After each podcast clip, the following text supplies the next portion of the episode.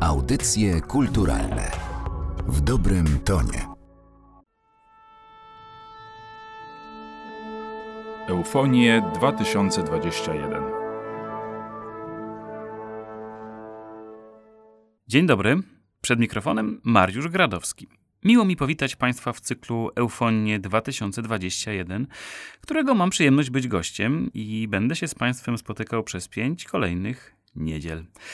Przede mną program zbliżającego się wielkimi krokami festiwalu Eufonie i chciałbym wybrać z niego pięć koncertów, na które szczególnie warto pójść. Mówię szczególnie, ponieważ wszystkie koncerty zapowiadają się ciekawie i jeśli ktoś ma czas i możliwości, niech idzie na wszystkie. No ale pewnie część z Państwa takiej swobody nie ma i stąd pomysł na taki mini przewodnik subiektywny, intuicyjny, na pewno niekategoryczny i na pewno da się z nim dyskutować. Myślę jednak, że dla części z Państwa może okazać się pomocny. Od czego by zacząć? No dobrze. No cóż, koncert inauguracyjny na pewno warto zobaczyć i na pewno warto posłuchać muzyki, która na nim zabrzmi. Muzyka węgierska trzech epok. List, Kodaj, Dochnani, wielkie nazwiska wśród wykonawców. Bożena Bójnicka, Urszula Kryger, y, Wojciech Gierlach, Karol Kozłowski, y, Orkiestrą Sinfonia Warszawia i Chórem Filharmonii Narodowej dyrygował będzie Scholt Noć.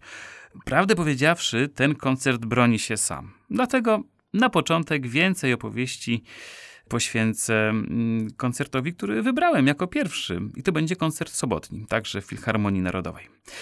Dlaczego? Dlaczego akurat ten koncert? Po pierwsze, dostrzegłem w tym programie coś, co sprawiło, że autentycznie się ucieszyłem.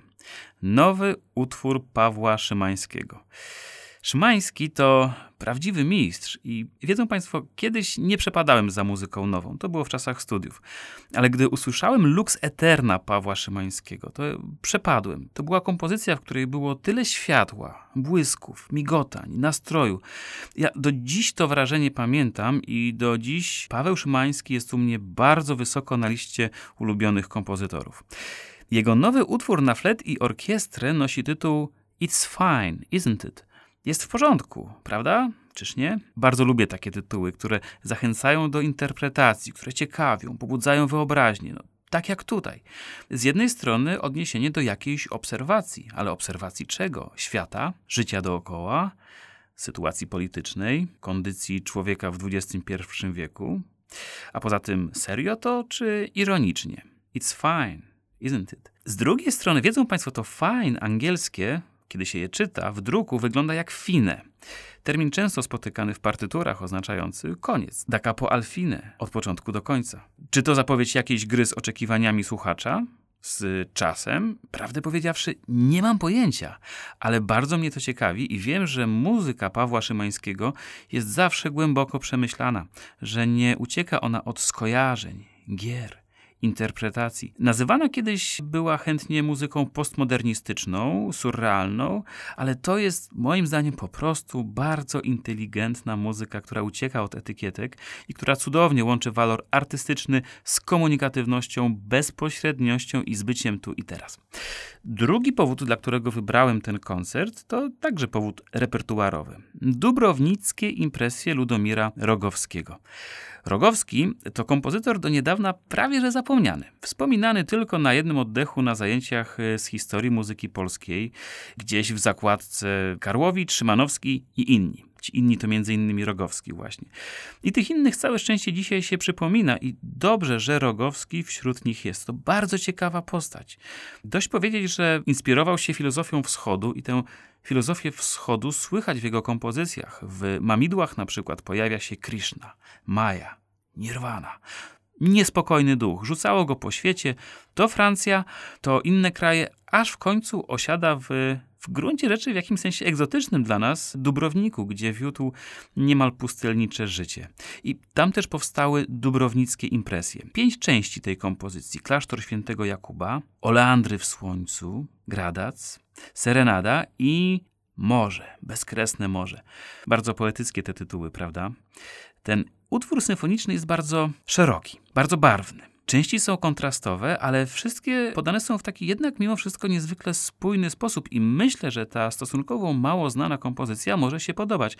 Choć chyba warto przymknąć oko na rok powstania. To był rok 1950, zresztą Rogowski zmarł ledwie 4 lata później. Ale prawdę powiedziawszy, drodzy Państwo, to mógłby być rok 1910, a może nawet 1900. Tak, no w tym utworze nie ma awangardy.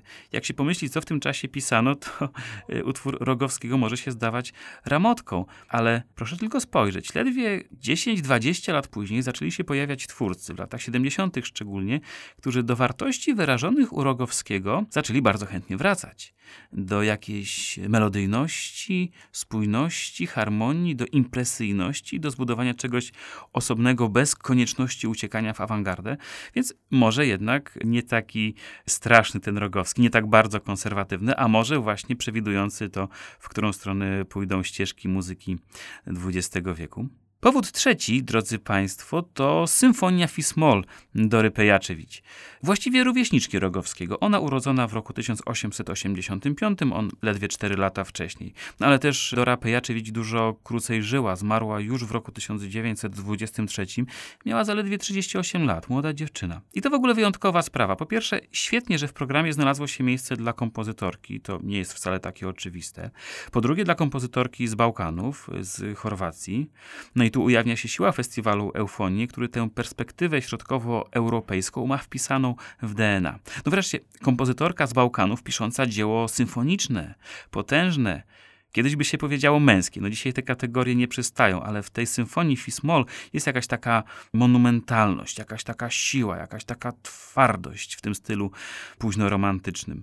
Bardzo ciekawy utwór. Specjaliści mówią, że to najlepszy utwór do Rypejaczewicz. Trudno mi to ocenić, nie jestem specjalistą w tej materii, ale jako słuchacz muszę powiedzieć, że podoba mi się i że z chęcią posłucham go na żywo. Patrzę na nazwiska wykonawców. Świetny flecista Łukasz Długosz w nowym utworze Szymańskiego. Świetna dyrygentka z Estonii, Anutali, która poprowadzi Narodową Orkiestrę Symfoniczną Polskiego Radia. No, absolutny top polskich orkiestr. Na co dzień do usłyszenia w Katowicach, a tu proszę w Warszawie. Dla mnie i dla części z Państwa zapewne o wiele bliżej niż Katowice. I to też jest jakiś argument, żeby na tym koncercie się stawić. To na dzisiaj chyba wszystko. Mam nadzieję, że zachęciłem Państwa do trafienia na ten koncert festiwalu Eufonie. Kolejne propozycje w kolejnych tygodniach, a ja już dzisiaj Państwu bardzo dziękuję. Wszystkiego dobrego, dobrego dnia. Mariusz Gradowski. Eufonie 2021